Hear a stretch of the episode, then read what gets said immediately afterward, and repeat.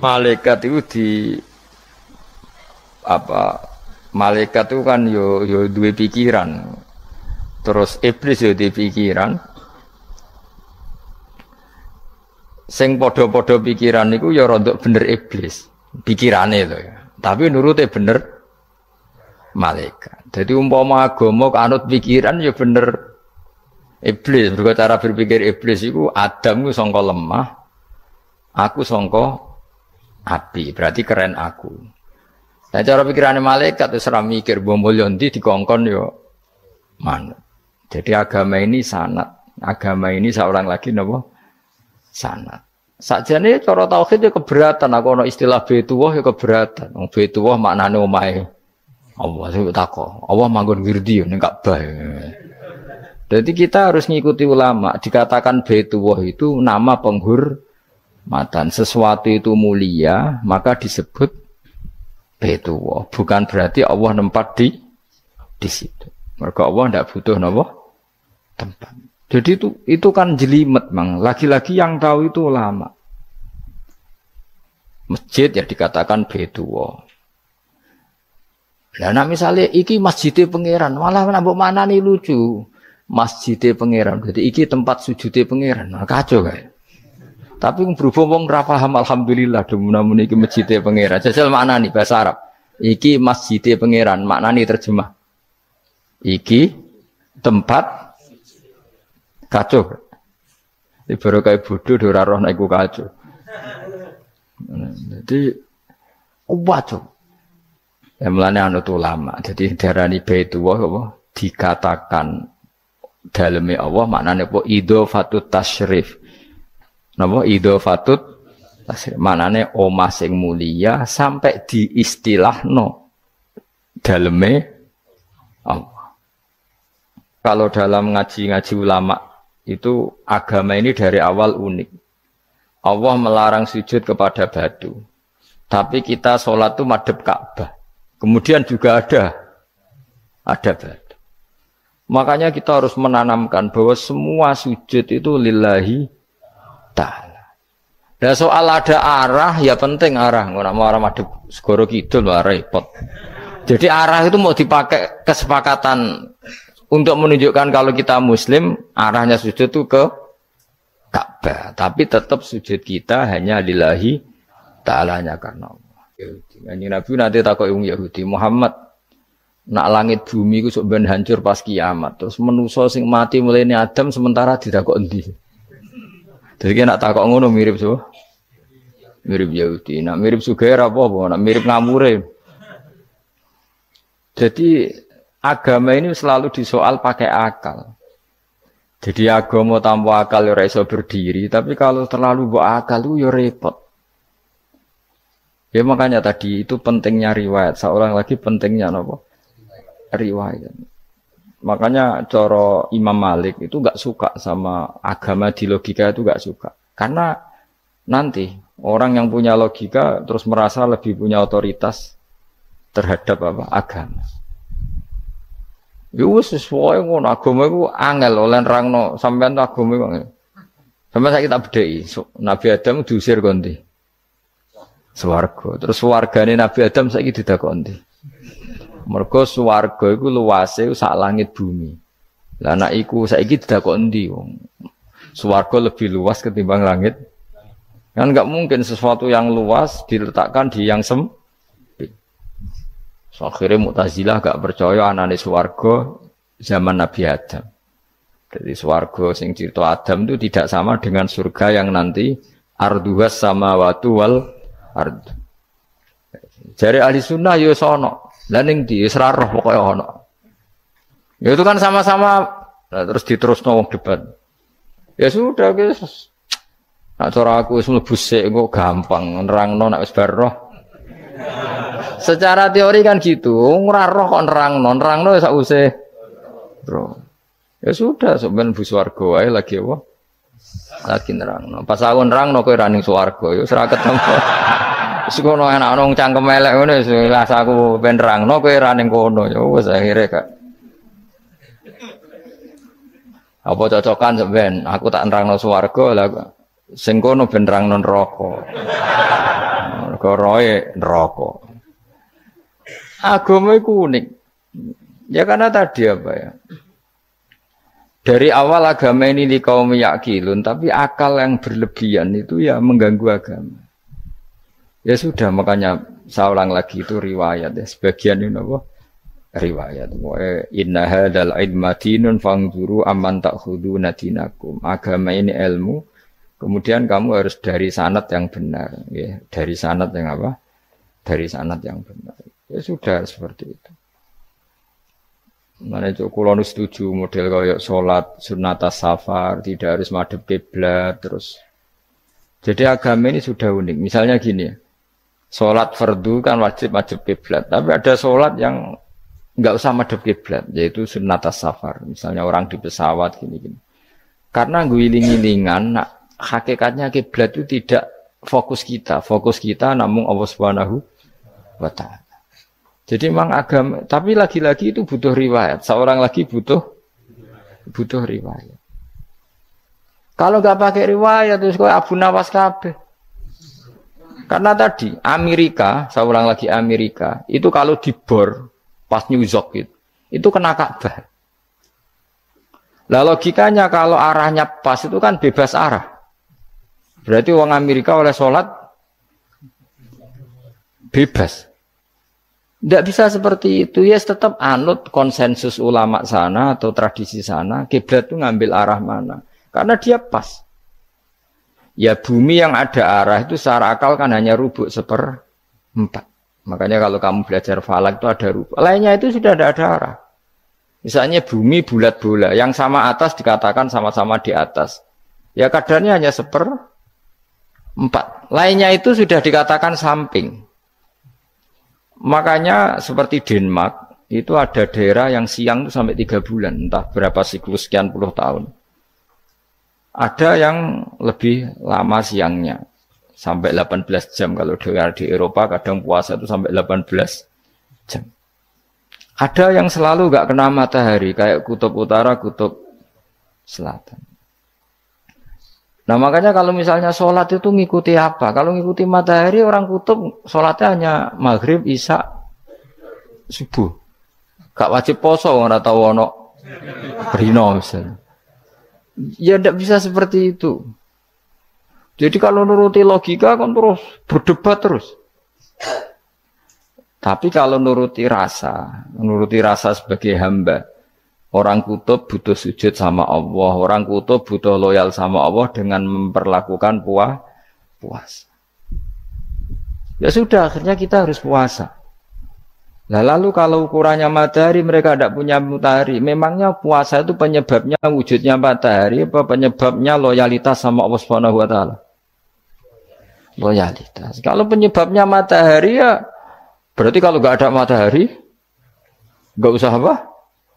Tidak usah seperti itu cara berpikir. Makanya ngikuti ulama. Karena ulama yang tahu tradisinya Allah dan Rasul.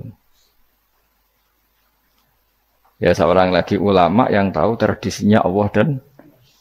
Meskipun ya kadang saya enak ide ulama. Mereka ya kadang ya mau kalau bolak balik ngomong.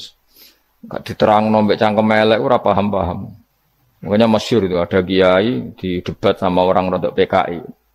Pak Kiai, kalau setan dari api masuk api kan biasa. Terus susahnya apa? Mau materinya dari api itu. Kiai mek lemah, sawurno ini. Loro cung, gue sakit. Kau jadi uang kok lemah, kena lemah kok loro. Karena serak kena diterang no. Manusia materinya kan dari tanah berarti kena dipendem urip-uripan. Piye aja? Ya loro ya, lah ya jadi kok lemah kok dipendem neng lemah kok. Karena dijelaskan pakai lisan yang baik gak paham-paham. Sebenarnya kita ingin selalu baik, tapi ada orang-orang diterangkan cara baik-baik itu paham. Kayak misalnya ana wong kondo, Gus kula nu bojo kula cerewet ngene-ngene, apike kula pegat dicereweti bojo mbek diarani duda iku lara ndi? Oh lara diarani duda isen. Kue payu rabi dicereweti, ambek ra payu rabi jomblo, sakit mana? sakit distatuskan jomblo. Malah kena dicereweti sabar prestasi baru.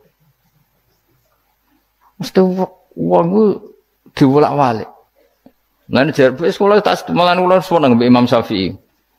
Kowe dirasani wong ning ngarepmu, diomongi, ambek dirasani seneng di. Seneng dirasani cara kowe. Cara Imam Syafi'i bukti ke wibawa, bukti ini ngomong ning ngarepmu rawani. Jadi Imam Syafi'i itu rilak urip. Ya Aba Abdillah orang yang tadi muji-muji jenengan tuh kalau di luar maki-maki jenengan. Jadi Alhamdulillah. Kok bisa itu kan bukan pengkhianatan. Berarti saya wibawa. Di depan saya nggak berani. Itu. Wong itu soal Imam Syafi'i, ya cium tangan, ya hormat. Tapi setelah di luar menghujat.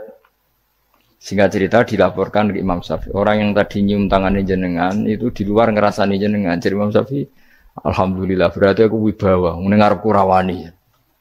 Ya dianggap enteng saja. Terus ada orang misoi Ja'far Sodik. Saya Ja'far itu Sayyid putune Nabi, orangnya soleh, alim. Gurunya Abu Hanifah. Di antaranya gurunya Abu Hanifah itu saya Ja'far Sodik. Itu kalau dihujat orang diomongin ini. Dimaki-maki. Sampai ke rumah. Pas mau masuk rumah, e, kamu masih ingin maki-maki saya? Iya. Tak tunggu sampai selesai. Setelah selesai, sudah, sudah, sampun, sudah. Masih emosi orang, sudah. Kamu misoi saya berdasar apa yang kamu ketahui. Yang tidak kamu ketahui lebih banyak, maka saya tunggu. Sesuai izin. Izin sampai terus ketika ditanya, kenapa engkau sabar ketika jenengan saya pisui? Orang ini akhirnya tobat, mencium tangannya, mencium lututnya. Jawab, jawab saya Jafar Sadiq ini aturahu tu sokurhan aturahu yuk sokurhan kowe ora paham kalimat itu tapi tak terangkan ben dadi wali kowe roh pangeran ya tahu sing durakani pangeran tuh banyak enggak yang maksiati pangeran tuh banyak enggak ya banyak lah yang pangeran sing di langit bumi wae dimaksiati apa meneh terima aku akhirnya terus jadi orang-orang soleh itu cara berpikir itu di luar kapasitas kamu. Apa ya? Mereka itu hanya hanya Allah, tahunya itu hanya Allah. Aku kan enggak egois, harga diri. Mana, mana ada agama berdasar harga diri itu kalau dalam bahasa Arab disebut hamiyat al jahiliyah itu gengsi nopo jahili. Makanya ketika saya berkali-kali cerita itu, ada seorang ulama dipanggil tetangganya, nom. Setelah sampai situ, sudah kembali saya tidak butuh kamu. Setelah sampai rumah dipanggil lagi, sudah kembali lagi sampai tiga kali. Ulamanya tetap ceria, tetap nyaman. Ketika ditanya, kenapa engkau tetap nyaman? Wahai pemuda, kamu itu tetangga saya. Kata Allah dan Rasul, nak kue iman be Allah Rasul kon ngapi itu lah kon ngundang aku aku ya teko. Ya seneng nuruti perintahnya. Ketika kamu nyuruh saya kembali, ya saya kembali. Memang itu keinginan kamu. Kue tanggaku, aku kon nurut bek tonggo. Aku ora urusane bek kue. Aku mau nyaman bek perintahnya. Oh, nangis pemuda tadi itu tobat. Kalau kamu kan warga diri orang kok dipimpong. Ah, ini gak bakat wali blas. Ya. Jadi orang dulu itu nyaman. Karena yes pikirannya namun Allah Subhanahu wa Umar bin Abdul Aziz itu termasuk khalifah paling soleh setelah periode sahabat. Itu mau kapundut itu semua antai, semua antai, semua ketika keluarganya menangis. Kenapa kamu menangisi saya? Ya karena engkau mau mati. Memangnya kalau mati mau ke mana aja? Ila khairi madhubin ilah kezat terbaik. Terus aku mbok kon urip awar kowe. Kowe gak jelas iso ngrumat aku ta ora. Nah Allah malah jelas. Saiki apik ndi urip mbek wong jelas sampai sing jelas. Ya wis wis kabundut. Kowe kan gak mati ku wedi. Dosane akeh. Lah mungkin nak urip terus ra dosa apa to kan. Mung gaya tok asline. Dosa kula cek kathah Gus kok mati terus. Ya malah apik mati biar dosa meneh. Biasa wae nak mati biasa karena potensinya kamu urip suwi ku dosane apa taat meneh. Enggak jawab. Potensi nih. Dosa meneh apa taat meneh? Apa ya dosa ya taat.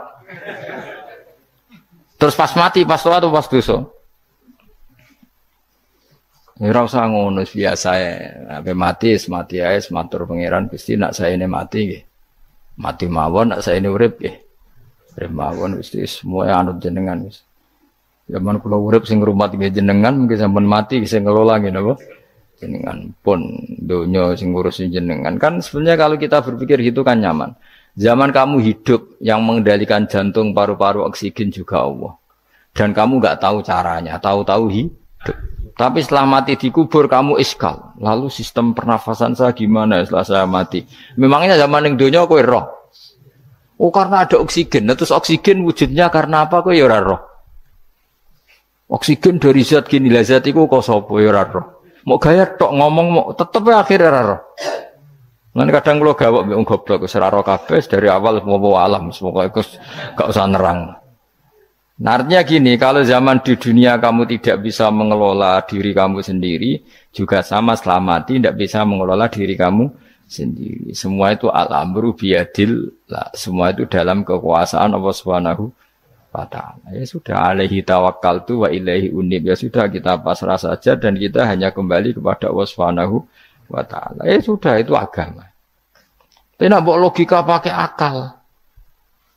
Wah itu orang mati itu sudah nggak bisa apa-apa, sudah jadi tanah gini-gini. Ya, masalah catekar ya ngerti, nah, jadi tanah itu tidak bisa apa-apa. Tapi masalahnya kita ini dikendalikan oleh zat yang bisa mengelola semua. Yaitu Nabi Adam diciptakan juga dari tanah. Ya sudah hanya berdasar riwayat itu yang kita akhirnya meyakini setelah kita mati juga bisa hidup lagi. Iki rasa khawatir, iblis itu doif, iblis ya lemah. Nyatanya ya kue tetap ngaji jalalan. Berarti orang sukses menyesat, menyesatkan. Kodang di kue iblis. Ya kodang sampean, tukon ra ngaji tetap ngaji. Tukon paham tetap ra paham. Berarti berarti iblis itu enggak keren loh. Betul, saya setiap melihat orang sholat itu menyaksikan kekalahan apa? Iblis. Jadi iblis itu ya kalah kalah orang kok hebat ya ora. Biasa mawon, ora usah sing hebat ya nama pangeran. Dari awal iblis wis menyerah ngadepi orang sing ikhlas. Ikhlas itu dimulai dari awal Cara bahasa yang kayak pokoknya hilir sampai hulu-hulu sampai hilir itu kudu ikhlas kabeh. Misalnya kita duit, yakin nah itu wae Allah. Sehingga kita ketika ngasihkan orang itu kamu nggak merasa itu milik kamu. Sehingga nggak gampang undat Selagi itu kamu benar keduanya awalnya salah itu masih mungkin tidak ikhlas. Uang ini milik saya, tak kasihkan kamu dengan ikhlas. Kalimat milik saya ini menjadikan suatu saat kamu jadi undat-undat karena milik saya. Tapi kalau ikhlasnya dari depan, uang ini milik Allah, ilmunya bahak milik Allah. Terus tak kasihkan kamu juga hambanya. Dari awal kan merasa lah saya, saya tidak punya apa-apa. Tapi selagi saya ikhlasnya hanya separuh, ilmu saya tak kasihkan kamu karena Allah. Berarti masih potensi? Nggak ikhlas ya. Jadi kalau ngelatih ikhlas itu harus dua-duanya. Kamu punya uang milik Allah punya ilmu milik Allah punya jabatan milik Allah kemudian kamu kasihkan sesuai perintah Allah. Itu lebih mudah ikhlas karena la haula wala quwata illa billah. Selagi masih separuh saja salah itu potensi berikutnya juga ikut salah. Misalnya aku ngurmat yatim gue ikhlas, duitku tak kena kata duitku itu menjadikan suatu saat dulu tak rumat tuh saya jebule lali aku. Tapi kalau alhamdulillah saya pernah digerakkan Allah ngrumat yatim dengan milik Allah juga. Sehingga kita sekedar pernah melakukan ketaatan ini sen senang. Nggak penting berikutnya anak yatim ini nanti peduli kita apa enggak nggak penting. Itu ikhlas ya. Ikhlas itu sesuatu yang semuanya lillahi ta'ala ya inna solati wa nusuki wa mahya ya wa mati ulillahi rabbil alamin. Masyur itu khilafnya ulama. Apakah malaikat itu termasuk umatnya kan Nabi Muhammad sallallahu alaihi wasallam? Ada ulama yang mengatakan cara pandang Nabi diutus itu untuk mensolehkan yang tidak soleh atau mensolehkan yang potensi tidak soleh. Kan orang itu ada dua, ada yang memang tidak soleh disolehkan. Ada yang potensi tidak soleh. Sebetulnya sudah soleh, tapi potensi juga tidak soleh. Terus disolehkan. Nah malaikat ini kan tidak berpotensi maksiat, sehingga agak butuh nabi. Seorang lagi malaikat itu kan nggak mungkin nggak soleh, selalu soleh. Berarti nggak butuh buat nabi. Itu cara pikiran Imam Syuuti. Sehingga dia mengatakan Quran itu memperingatkan semuanya kecuali malaikat. Karena malaikat tanpa diperingatkan sudah sudah soleh. Tapi kata ulama yang lain tidak seperti itu. Malaikat tetap senang sebagai umatnya Rasulullah Shallallahu Alaihi Wasallam karena butuh status tasyrif. Tasyrif itu keren. Nanti takut itu melok kelompok isopo, melok kelompok kajian Nabi Muhammad Shallallahu Alaihi Wasallam. Sehingga kalau nanti ditanya Allah, miman anta misalnya, min ummati habibika Muhammad. Itu keren. Kayak termasuk umatnya kekasihmu Nabi Muhammad Shallallahu Alaihi Wasallam. Lalu kamu ngikuti apa? Yo min aksani kitabik mengikuti kitab terbaikmu ya Allah.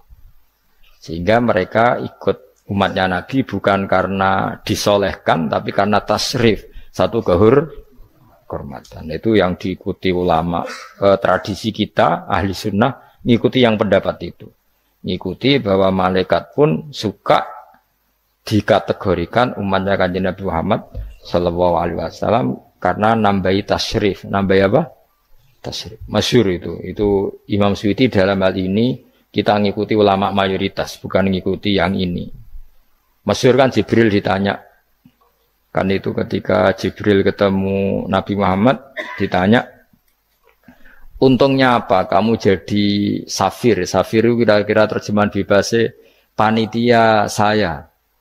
Jibril itu kan ya jauh dari langit turun bumi dari langit itu kan jauh. Terus kamu untungnya apa? Karena Jibril itu tahu betul peristiwa yang pernah dilakukan Allah. Yaitu kayak apa malaikat yang di langit bisa diusir karena kesalahan tertentu.